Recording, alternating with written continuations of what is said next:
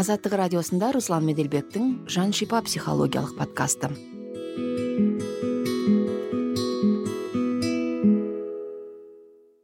Сәлеметсіз бе бұл азаттықтың жан шипа психологиялық подкасты? Сіздермен бірге подкасттың жүргізушісі әрі авторы руслан меделбек.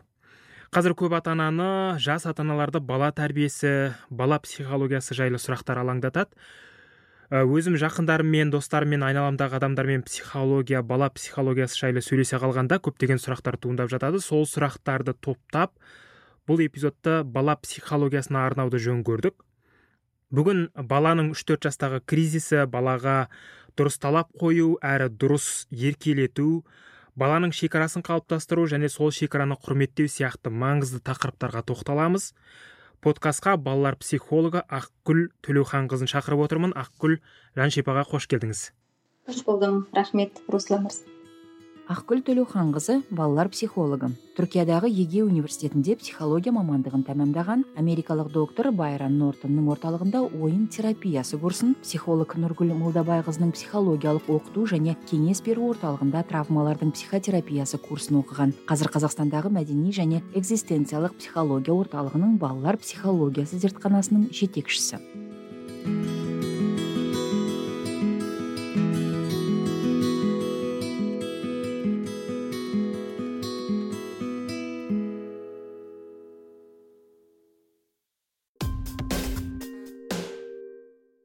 жаншипа психологиялық подкастында әр эпизод сайын мынау бала тәрбиесі бала кездегі травмалар бала психологиясы туралы айтылады да. Осы жерде бала психологиясына тоқталайықшы. Бала психологиясының ерекшелігі неде? Бала психологиясының ерекшелігі негізі бала деген жалпы мына ғылымда да ересектерден бөлек зерттеледі иә.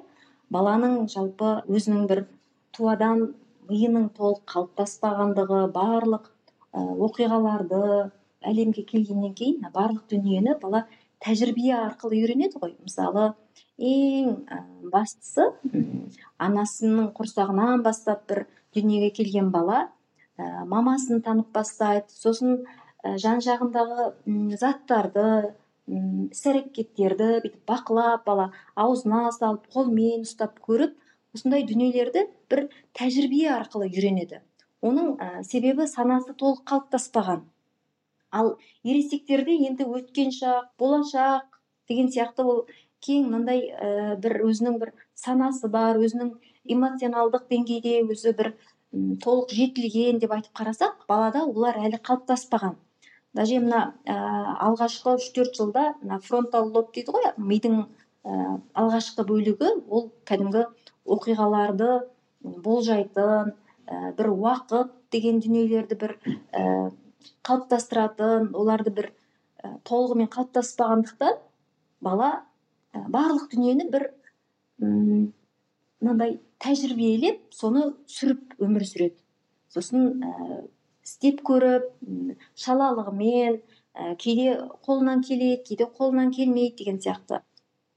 Осылай баланың психологиясы ә, баламен біз жұмыс жасағанда баланың болмысы ә, баланың өзінің бір Э, мендігі қалыптасып жатыр. И қалыптасып жатқан баламен оның бір өмірінде не болып жатыр қалай осы бір оқиғаларды еңсеріп жатыр қалай олармен бір жүздесіп жатыр деген сияқты бала жалпы баланың психологиясы тәжірибелену баланың психологиясы өсіп жатқан бір болмыс деп алып қарасақ болады иә? Ал ата аналар баланың психологиясын дамытуда жаңағы эмоциясын тануда сезімдерін тануда. Осы жолда қалай әрекет ету керек? Енді осылай бала бір қалыптасып жатқан болмыс мендік адам деп алып қарағанда жалпы адамның өмірінде көптеген қиындықтар болады иә руслан мырза? Көптеген қиындықтар болады. Бұл енді ата ана тарапынан болатын кездер болады. Кейде табиғи апаттар болуы мүмкін немесе бір баланың жай ғана бір досымен ә, мынандай қарсыласып қалуы өзінің өміріне бір кішкене бір сәбидің келуі інілі болу деген сияқты дүниелер баланың өмірінде бір кейбір қиындықтар туғызады. И осындай қиындықтарды жаңағы бала осыны бүйтіп еңсеріп осымен ә, осыны бір ары қарай бір аттап өтетіндей болмысы жоқ. Осындай кезде бала не істерін білмейді баланың білетіні жалғыз ашулану ата анаға көрсететіні ә, бір жағынан қарағанда бұл енді тілі жетіспейді баланың иә өзінің білдіру үшін. Осындай бір қиындық болып жатыр деп даже өзіне қандай қиындық болып жатқанын бала білмейді. Тілі жетіспейді кейбір физикалық және эмоционалдық осыны бір еңсеретін деңгейде баланың бір шектеулі өзінің бір әлсіздігімен тұрған кезде бала осыған қарсыласқан кезде ашуланады жылайды немесе белгілі бір іс әрекеттер көрсетеді. И бізде көбінесе ата аналар осы іс әрекеттерді ә, тәрбиелеп алуымыз керек деп мына тек қана баланың жасап жатқан іс әрекетіне қарайды. Мысалы бала ұрлық жасап бастады дейік. Бала ұрлық жасады немесе бір ә, өтірік айтып жатыр. Бұл жерде балам ұрлық жасап жатыр ұрлықты қою керек не істейміз? Дисциплина керек. Дисциплина дегенде бізде бір Э, көбінесе ана бұрынғы кезеңнен кеңістіктен неден келе жатқан кездерден бір жазалау бар ғой. Баланы жазалау ұрысу ә, немесе бір көзін қорқытып осыны бір қойдырып аламыз деген сияқты барлық ата аналарда осындай сенім бар. Ал алайда бар мен балалармен енді ойын терапиясымен жұмыс жасаймын да мына байқағанда бала істеп жатқан іс әрекеті мына баланың жан дүниесінде болып жатқан мәселеге ешқандай қатысы жоқ. Бала вот ана досының затын алып жатыр не болып жатыр баланың бәлкім досымен бір өзінің күшін теңестіре алмау өзін бір әділетсіздікте сезіну деген сияқты бір әділетсіздікті әділдікті қалыптастырып жатады да мен айтатын кезде ол айтты ондай болса мен оның бір затын алып алайын. Сосын бұл әділ деген сияқты. Баланың миы осылай. Ал ата ананың әмиянынан мысалы ақшаны ұрлап алған бала өзіне бір құнсыздандырған дүниені сол арқылы өзіне бір алып жатуы мүмкін. Вот осындай баланың іс әрекетін түзеу керек баланы тәрбиелеу керек деген дүниеден қарағанда жалпы баланың өзінің болмысын тану және ашу немесе бұл іс әрекеттің астарында қандай дүние бар деп ата ана баланың мына шынайы ар жағындағы жан дүниесіне үңілу осы бізде жетіспейді. И баланың жалпы жаратылысынан бүйтіп қарағанда ол өте бір әлсіздігімен бір пәктігімен өзі бір таза ғой жаратылысы.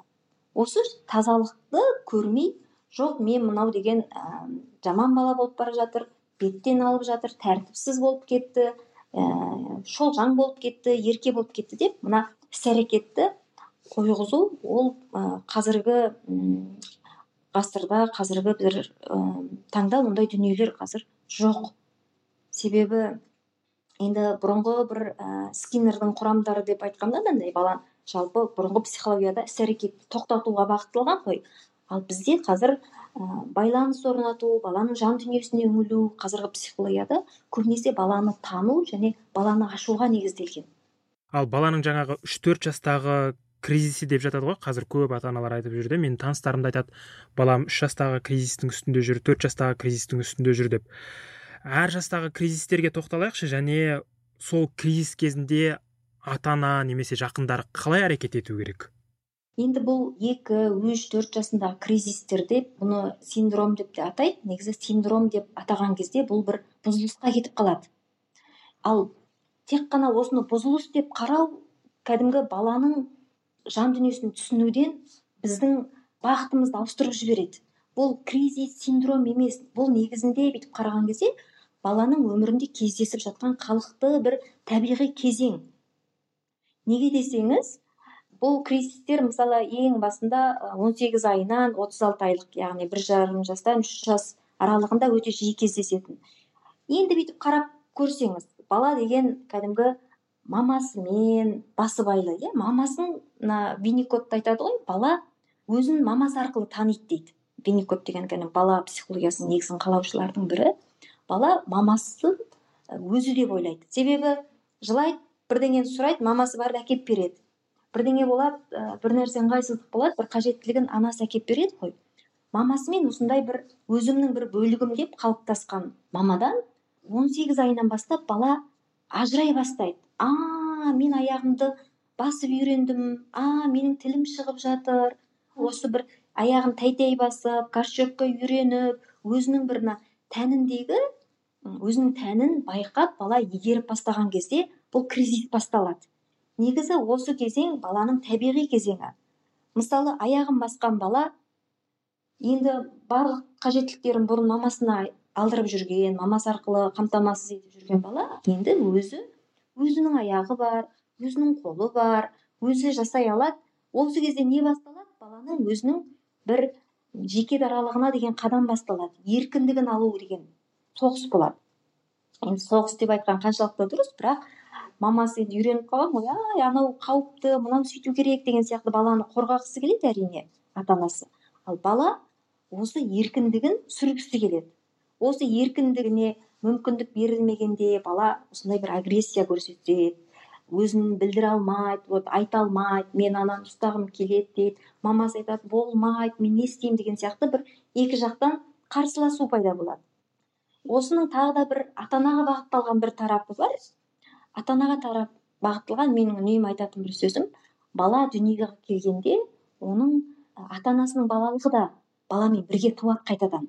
Біз енді естидік өстік ә, ол енді бір қалды әкем сөйтті анам бүйтті қалды мен деген енді бір керемет адам болып өстік деп ойлауымыз мүмкін бірақ мына бала туа қалған кезде біздің балалығымыз да туады. И ана балалық кезіміздегі еңсере алмаған сол кездегі бір сүре алмаған өмірлеріміз бар ғой. Бір шектеліп тастадық па немесе бір бір нәрсені аламыз деп жатқанда қолымыздан қағылып қалды ма? Осы дүниелерде балаларымыз арқылы бір қызғаныш пайда болады іштей ата ананың тарапынан. Вот мысалы көбінесе ана жасөспірімдердің ыыы балалармен жұмыс жасағанда ата анасымен кәдімгі енді баламен бірге жұмыс жасаймыз ғой. Сол кездерде олар айтады мен деген өйткен жоқпын ғой. Мен деген сөйтіп таңертең тұрып төсекті жинап осылай осылай реттеп тастайтынмын деген сияқты. Мына өзінің балалық шағына деген бір қайтадан бір серуен қайтадан бір шолып қарау ата анада бір қызғаныш пайда болады. Даже мынау кішкентай балаларда да көрінеді да. Ә, мен балам балаға шыққан кезде киімін ойнап билеп бүйтіп киіп шыққысы келеді бірақ мен деген ол жерде агрессия деп бір ата ана айтып жатыр да. Вот қайдан келген агрессия? Біз соған үңілгенде ол енді аяқ киімін кию керек бір минуттың ішінде бала деген сақырлап жүгіру керек. Өзіне бір сондай еркіндік берілмеген ғой. Сосын ана жерде ананы көріп кәдімгі ата ана мен бір баламды бір көріп баламның бір табиғатымен баламның бір ритмі ырғағымен баламмен қарым қатынасқа түсіп жатқан жоқпын. Өзімнің балалық шағымдағы бір кейбір дүниелерді тағы сонымен бір баламмен қарым қатынасқа түсіп жатыр екенмін ғой деп соны бір мойындау болады кейбір өзіммен жұмыс жасаған ал бір жағынан ә, бала тарапынан бұл кәдімгі баланың еркіндігін алуы еркіндігінің алуының алғашқы қадамдары иә. Сол кезде осындай бір ә, түсіндіре алмау өзін бір еркін сезіне алмау кездерінде ата ана не істей алады? Баланың өзі жасай алатын дүниелеріне еркіндік беріп ә, баланың бір өзінің бір кеңістігінің болып қалыптасып иә өз кеңістігіңде істей аласың. Мына жерге қабырғаға сурет салуыңа болмайды. Бірақ вот мына жерге мен бір ә, парақ жабыстырып қойдым. Мына жерге сызсаң болады деген сияқты бір ә, альтернатив нелер беру ұсыну балаларға. Сондай жағдайларда бұл баламен қарым қатынасты негізі өзгерткен жағдайда осы кризистерден өту жеңілірек болады. Ал баланың психологиясына психикасына жаңағы ұрысу соғу таяқтау ауыр сөздер айту қалай әсер етеді? Мен сізге айтайын бұл ұрып соғу мәселелерінен бұрын ә, баланың жалпы мына туадан ә, ең негізгі қажеттілігі руслан мырза. Ол баланың бір қауіпсіз ортада өсуі. Бұл деген кәдімгі біздің мына үлкен жетістіктеріміз біздің бұл баланың ә, сеніммен өзі аяғына өзі тік тұруы өз өзінің құндылығы деген дүниелердің барлығы осы бір қауіпсіз ортада өсуімен басталады. Бұл жаңағыдай сізге айтқанымдай бір баланың анасымен басыбайлылығы әкеге деген басыбайлылығы анадан көрген мейірім әкеден бір қауіпсіздік көрген ата анадан қауіпсіздік өзінің ортасында қауіпсіз көргенде бала а мен мына әлемдегі барлық дүние қауіпсіз екен деп бала өзін көбірек ашып бастайтын болып отыр ғой өзінің бүршіктерін ашып бастайды. Ал мына ата анадан қауіп көріп ата анадан таяқ жеп ата анадан ұрыс естіген бала уже ана негізгі бір қауіпсіздік өз өзіне сенім өз өзінің құндылығы деген дүниелер мынандай бір сау болып басталмайды. Ұрыс керіс ұрып соғу деген дүниелер баланың тек қана бір ә, жанын ғана ауыртпайды жанын ауыртатын тәнін ғана емес жанын ауыртатын дүние болып тұр ғой. Сынық вот біз басында бастағанда травма деп айтып жатырмыз ғой. Травма деген дүниелер де осы жерден басталады. Травма деген бұл мынандай өздік эмоционалдық психологиялық бір ә, толығымен қалыптасып дені сау болып қалыптасып келе жатқан бала ана ұрып соққан кезде уже ана жерде бір балада мынандай түйілісу ә, балада осы сол бір кезеңнен аттап өту деген дүние бұғатталады. Сондықтан бала ары қарай өз өзінің бір кезеңдері бар ғой. Мысалы эриксонның кезеңдерін алып қарасақ мен мынаған байланыстырып қазір айтамын. Бала бір жасында осындай болады екі жасында тәуелсіздігін алып бастайды үш жасында өзін өзгелермен салыстырып бастайды төрт жасында өзінің бәсекелестігін өзінің шегін ашады деген сияқты. Өзінің эриксонның сегіз бір кезеңдері бар мысалы әлеуметтік дамуында. Осы кезеңдерді бала өту үшін ана алғашқы кезеңдері бір толық қалыптасу керек. Вот ұрып соғу болған кезде мына екінші кезеңге бала толығымен аяғын нық басып сол кезеңге өте алмай қалады. Сосын ұрып соғылған бала жасқаншақ болады мысалы иә? Бізде көбінесе мына жерде нені айтқым келіп тұр? Бізде бала сыйлы болсын бала үлкенді сыйласын деп ә, сәл бір қарсы шыққанда ата анаға бір өзің бүйтіп мен осыны қаламаймын менің өзімнің бір деген бір сәл қарсы шыға бастағанда ата анада ұрып соғу ә, кемсіту немесе маған қарсы шыға алмайсың бетімнен ала алмайсың деген қарсыласу болады. Бірақ бала вот өзінің бір қалыптасып келе жатқан өзінің бір қалауын өзінің бір жеке болмысын ата анаға көрсеткенде ата ананың осылай қарсы шығуы бір жағынан ата ананың өзінің балалық шағын баламен жалғастыруы деп айтуға да болады. Бір ауыр бір сөз болуы мүмкін. Қазіргі таңда ә, нарцист ата аналар өте көп енді. Осылай таңбалау қаншалықты дұрыс. Нарцист деген бұл менің айтқанымды істейді менің ә, өмірімді жалғастырады менің таңдаған мамандығымды оқиды менің қалаған адамым болады деген сөз бір жағынан қарағанда. И вот бұл барлығында көрінеді. Осылай осыны жасамағанда не болып жатыр? Баланы ұрып соғып күштеп жасатып жатыр ғой. Ол күштегенде бала қаншалықты бір ә, сыйластықты қаншалықты мейірімділікті негізгі бір балаға үйретеміз деген негізгі құндылықтарды бала қаншалықты үйрене алады иә осындай күштеу арқылы.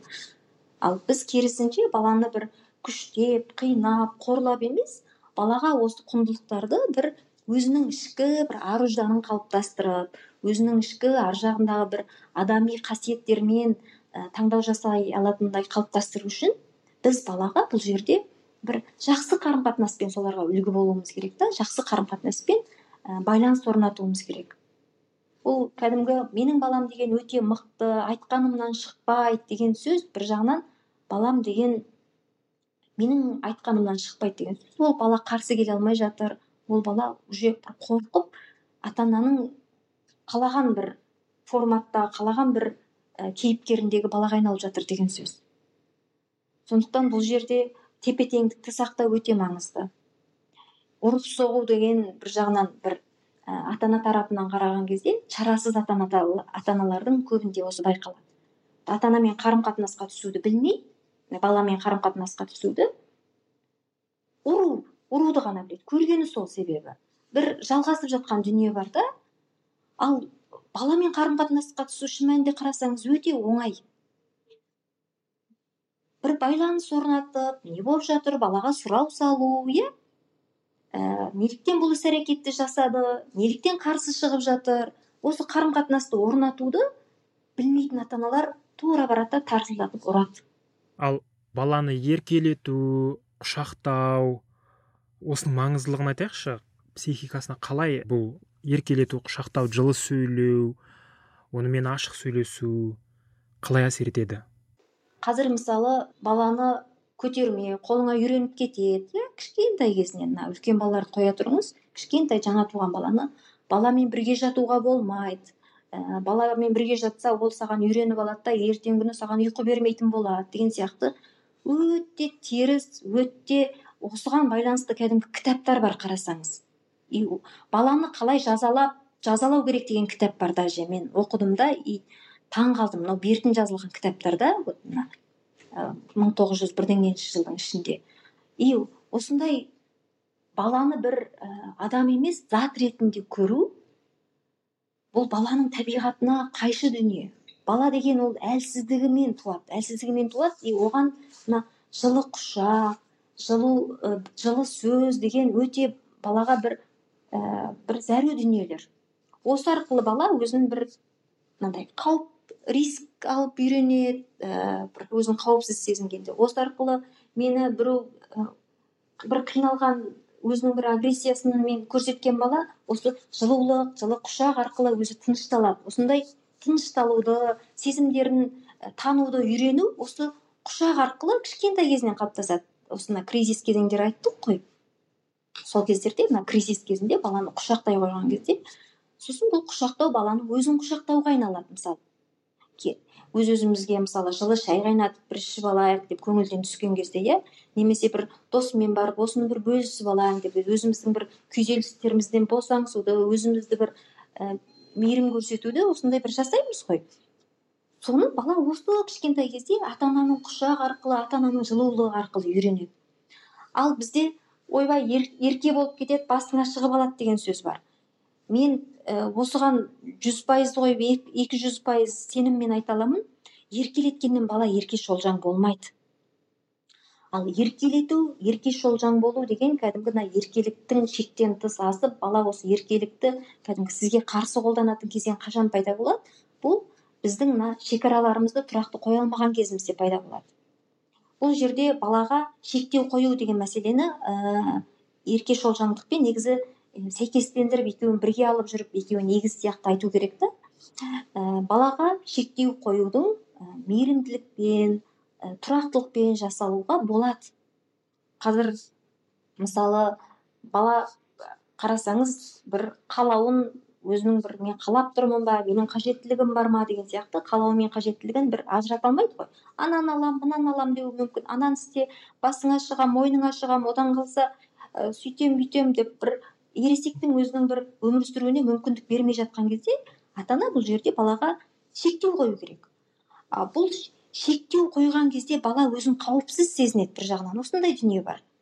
Сен деген 24 сағат телефонды құшақтап алып отыра берсең болады дегенде бала қуанып вау! деуі мүмкін. Бірақ ар жағында баланың ішкі жан дүниесінде бұл деген қандай бір немқұрайлылық дегенді бала біледі. Елемеушілік немқұраушылық бұл кәдімгі баланы жәбірлеуден де ауыр бір дүние. Бұл шектеудің қойылған кезде бала қаншалықты бір ә, қарсылық білдіргенмен баланың жан дүниесінде ата анам маған көңіл бөліп жатыр маған қауіпті ә, заттарды жемеуіме тыйым салып жатыр мені қорғап жатыр деген бұл дүниені бала жайлап жайлап түсінетін болады иә? Осыны түсіндіріп айту баланың егер айта алмайтын болсақ мысалы шектеуде көбінесе кішкентай балаларда мына психологиялық төзімділік деген балаларда әсіресе мына төрт бес жасқа дейін толық қалыптаспаған ғой. Осы жастағы балалардың өздерінің тілдері болады. Уақыт туралы білмейтін балаға бір ұйықтап тұрамыз ертең аламыз деп айтуға болады иә.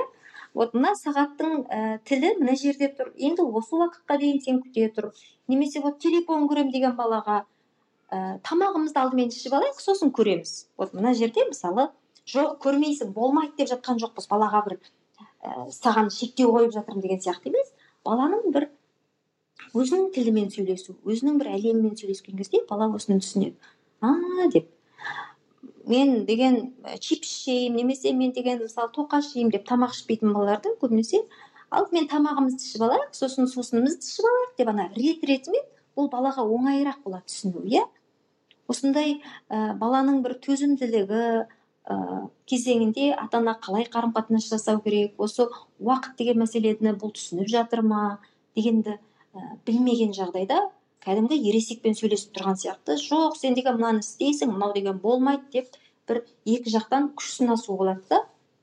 Ол күш сынасу әрине соңы кризиске дейін апарып жатады. Қазір қазақ қоғамында баланы жазалауға қатысты екі пікір бар иә? Өте үлкен талқы туғызатын тақырып. Кейбір адамдар айтады бала тыңдамай кеткен кезде құйрығынан ақырын салып жібергеннен ештеңе етпейді дейді. Тағы бір топ мүлдем қол тигізуге болмайды сөйлесу керек баланы ұруға болмайды дейді. Жалпы баланы жазалауға бола ма? Баланы ә, жазалау деген нәрсе өте ауыр. Жазалау дегеніміз ең негізгі кәдімгі мына баланың бір негізгі дені сау психикасы сау бала деген ол баланың бір өзінің құндылығын өзінің бір маңыздылығын сезінетін бала деген сөз.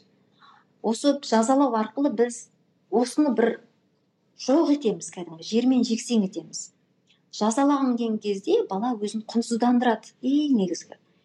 Мысалы мен айтамын да вот мына бір затты бір қалай айтсам бір қасықты жоғалтып тастағаны бір кесені сындырып тастағаны үшін жазаланған бала өзін осы кеседен құнсыздандырады. Мен кесе құрлы құным жоқ дегенді бала ар жағында түйеді. Жазалау осы жерден өте қауіпті. Ал жазалаудың жақсы жолдары деген ешқашан болмайды. Бірақ балаға негізгі құндылықтарды үйрету үшін осындай бір жақсы қасиеттерді үйрету үшін ең алдымен баланың өзін тану керек. Бала мен кіммін? Менің а мен деген осындай екенмін ғой дегенді бала қалай таниды? Ата анасы ең басқы оны бір қарайтын негізгі отбасынан таниды.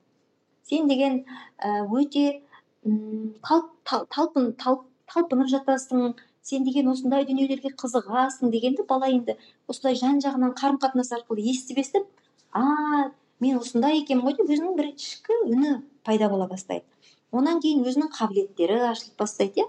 Осы арқылы бала өзіне не керек өзін қалай нәрсе істеу керек ата анасымен ақылдасып қарым қатынаста болып ә, баламен даже бір нәрсені мысалы үйретуден үйретуден бұрын баламен ата ана байланыс орнату керек ананы істе деп бүйтіп әмір ету емес.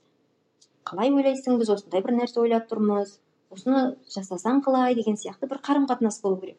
Ал жазалағанда уже біз ана негізгі құндылық негізгі баланың өзінің өз өзіне деген бір ә, сенімін осылай бір жермен жексен еткен кезде ол баланың өз өзін бүйтіп еңсесін көтеруі қиынға соғады. Сондықтан бұл жерде баланы дұрыс жазалау деген вообще жоқ. Мысалы кейбір ә, нелерде бар да балаға мына сыйлық беру арқылы бір нәрсені үйрету. Ә, осы туралы мысалы ә, сен мынаны істесең мынаны беремін мынаны істемесең мынаны бермеймін. Ананы істесең мынандай алып беремін мынандай істемесең мынаны алып бермеймін дегеннің өзі қазір өте бір мынандай кейбір адамдар осыны дұрыс істейді кейбіреулер теріс істейді ғылымда бұл өте бір мынандай ә, арпалысатын бір мынандай сұраққа тартылатын бір темалардың бірі да. Себебі кейбіреулер айтады иә баланы бір мотивациясын көтеру үшін балаға сәл бір сыйлықтар беріп ары қарай жалғастыруымызға болады кейбіреу айтады бұл деген жазалаудың бір түрі себебі істесең менің айтқанымды істесең мына сыйлықты беремін ал істемесең бұны бермеймін деген сияқты.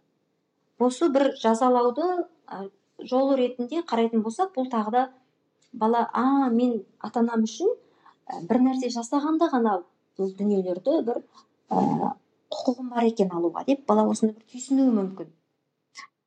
Сондықтан мына тепе теңдікті сақтау баламен қарым қатынаста үнемі тепе теңдікті сақтау и осы тепе теңдікті сақтаған кезде біз баланың өзімен бір сенімді байланыс орнату өте маңызды ә, сенімді байланысты бұзатын дүниелердің біріншісі жаңағы жазалау баланы қорқыту немесе ұрып соғу.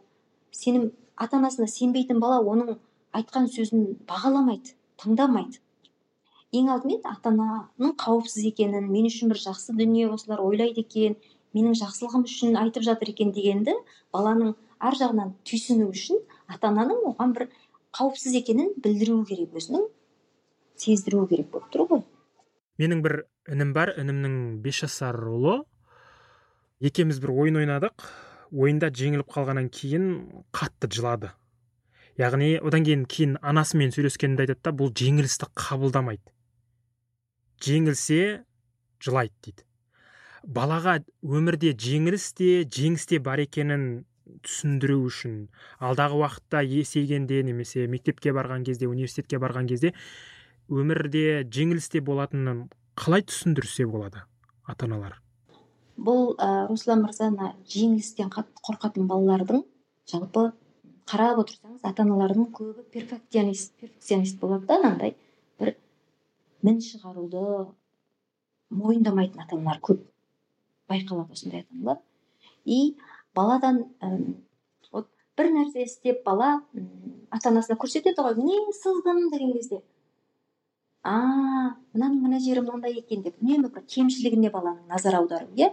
Сондай жағдайда мына жері мынандай болса жақсы еді деп үнемі бір ә, кемшілігін ә, ұялту кемшілігімен баланы бір ә, әлсіздік деп қалыптастырғанда бала жеңуім керек деп ә, үнемі жеңген кезде мен мықтымын жеңген кезде мен жақсымын деп осындай дүниелерді ә, бала ойлап алады да негізі. Енді қарасаңыз өмірде ә, жеңілмеу Э, жеңіл жеңіл мен жеңіліс екеуі бірге жүреді ғой қарасаңыз. Кішкентай кезімізді елестетіп қарағанда біресе жеңіп немесе жеңіліп бір осындай бір балалық шағымызға саяхат жасағанда көп дүниелер болған иә бір. Ә, мысалы бір мектепке барған бала қарап көрсеңіз мектепке алғаш барған бала екі алып қалса ту сен екі алдың сөйттің деп ұялтып баланы кемсіткенде бұл балаға бір жеңілу деген әлсіздік нашарлық ә, бұл деген бір табиғатқа сәйкес емес деген дүние болады да и бала жеңіліп қалған кезде өзін бір жеткіліксіз сезінеді.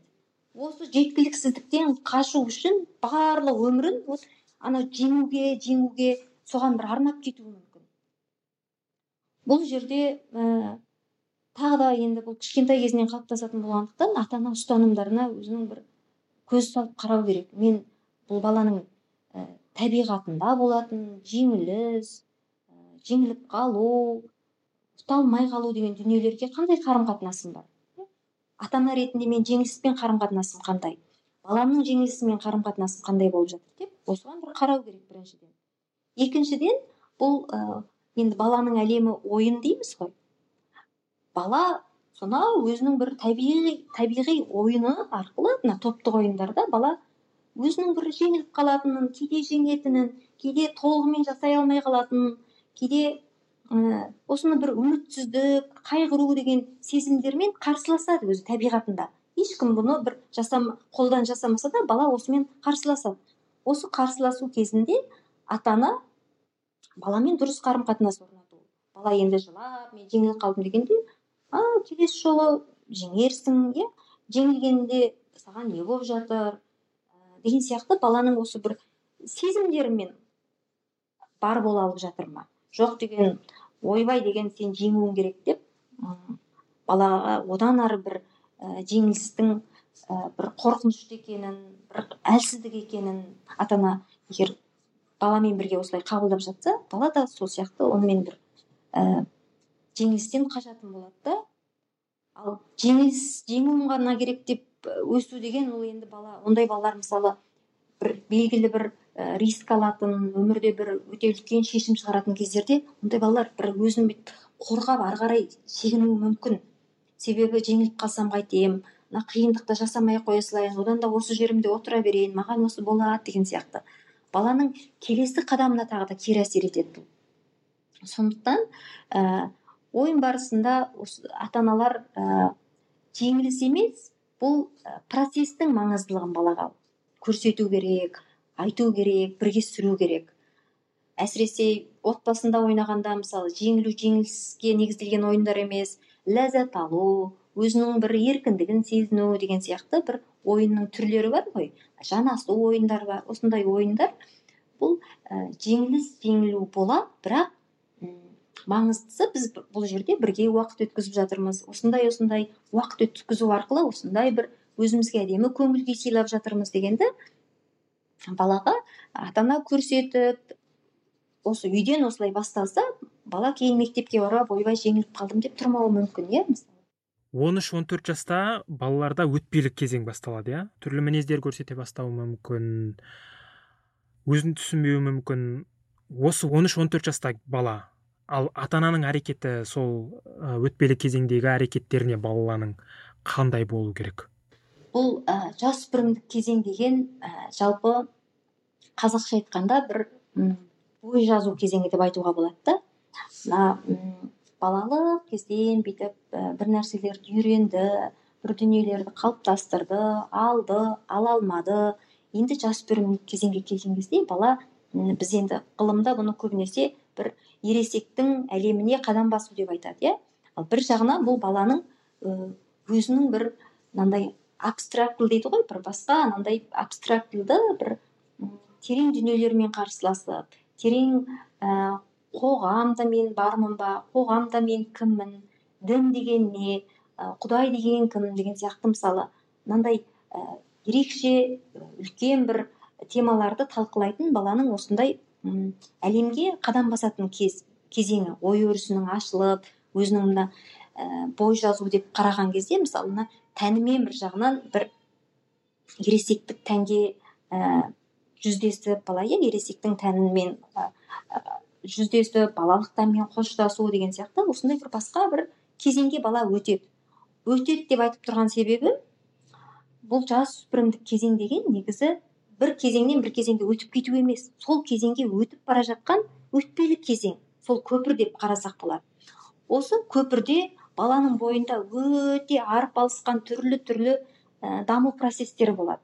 Жаңағы айтқандай эмоционалдық деңгейде дамиды ә, жыныстық деңгейде өзінің бір әйелдік келбеті ашылады. Сосын ұлдармен қарым қатынасы иә қыз балалар болса ұл балалар болса қыз баламен қарым қатынасы өзінің бір еркек өзінің бір әйел өзінің бір болашақта бір біреуге ә, жар болатын біреуге күйеу болатын деген сияқты сондай дүниелердің бүйтіп ашылып өсіп келе жатқан кезі осы кезеңдерде бала осының барлығымен бір арпалыс үстінде болады да тән деңгейінде жан деңгейінде ойлап қараңызшы.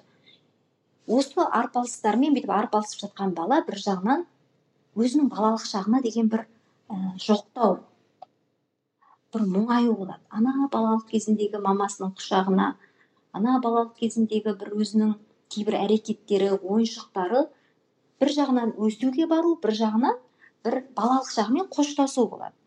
И жасөспірімдердің бір негізгі көңіл күйіне қарасаңыз оларда бір көздерінде мұң болады бір көңілсіздік болады көп ата аналар сөйтіп айтады да мынау деген бүйтіп. Отырып алды бүркеніп бөлмесінен шықпайды. Вот негізгі нелері бүйтіп айқайлап ойнап жүрген бала бір төмен қарап бетін жауып өз әлемінде бір құрысып қалатын жағдайлар болады иә? Бұл деген бір жағынан жоқтау бір жағынан балалықпен қоштасу екінші жағынан жаңа бір кезеңге өту кезеңі. Осы кезеңдерде бала өтіп жатқан кезде балаға бір ә, ата ана тарапынан қоғам тарапынан өте бір қолдау қажет. Өзін танып жатқанда осыған бір қолдау өте қажет. Одан ары сен деген қарсы шықтың сен деген бізге бүйттің деген сияқты дүние емес.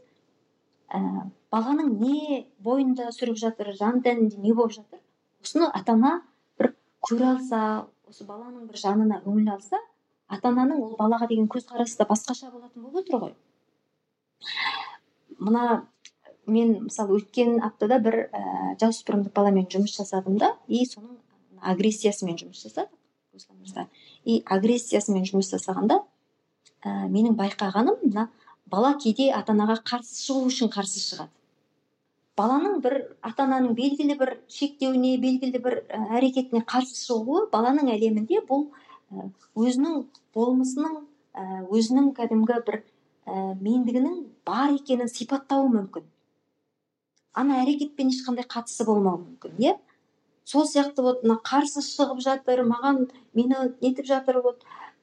Менді маманың айтқаны дұрыс дұрыс дұрыс дұрыс деп келген бала а тек қана маманың ғана әлемі ата ананың ғана әлемі дұрыс емес екен. Мына жақта достарымның да басқа түрлі көзқарастары бар екен. Мына әлемде басқа түрлі шындықтар ә, басқа түрлі дүниелер бар екен оларды да көрейін деп бала өзін іздеуге қадам жасайды ғой. Сондықтан бұл ата анаға қарсыласып мен деген басқа адаммын деп өзін бүйтіп мына жерде көрсетеді. Мен сен емеспін сенің айтқандарың дұрыс емес мен деген шашымды көбінесе қарасаңыз мен шашымды былай тараймын деп жоқ әкесі былай тарайсың анандай бір кішкене нәрсе сияқты көрсетеді. Баланың мәселесі мына шаш емес. Әкесі көзіне түсіріп алған мына шаш емес. Бала мен басқа адаммын дегенді көрсеткісі келеді осы жерде. И мынаны кәдімгі көре алған ә, ата аналар иә сен басқасың иә осы басқалықты қалай басқа түрлі жасай аласың? Мысалы терапия барысында басқа екеніңді қалай көрсете аласың деген кезде мен мысалы басқа басқа уақытта тамақ ішкім келеді басқа тамақ ішкім келеді деген сияқты бір кішкентай дүниелермен бала айтып жатады. Осы мен жеке дарамын мен жеке адаммын деп мынандай бой жазатын кезінде баланың әлемін көру баланың сезімдерін көру ата ана тарапынан өте маңызды. Екіншіден баланың осындай өзін тану кезеңінде ә, мына бала жасөспірімдік кезеңде өзін достар арқылы таниды.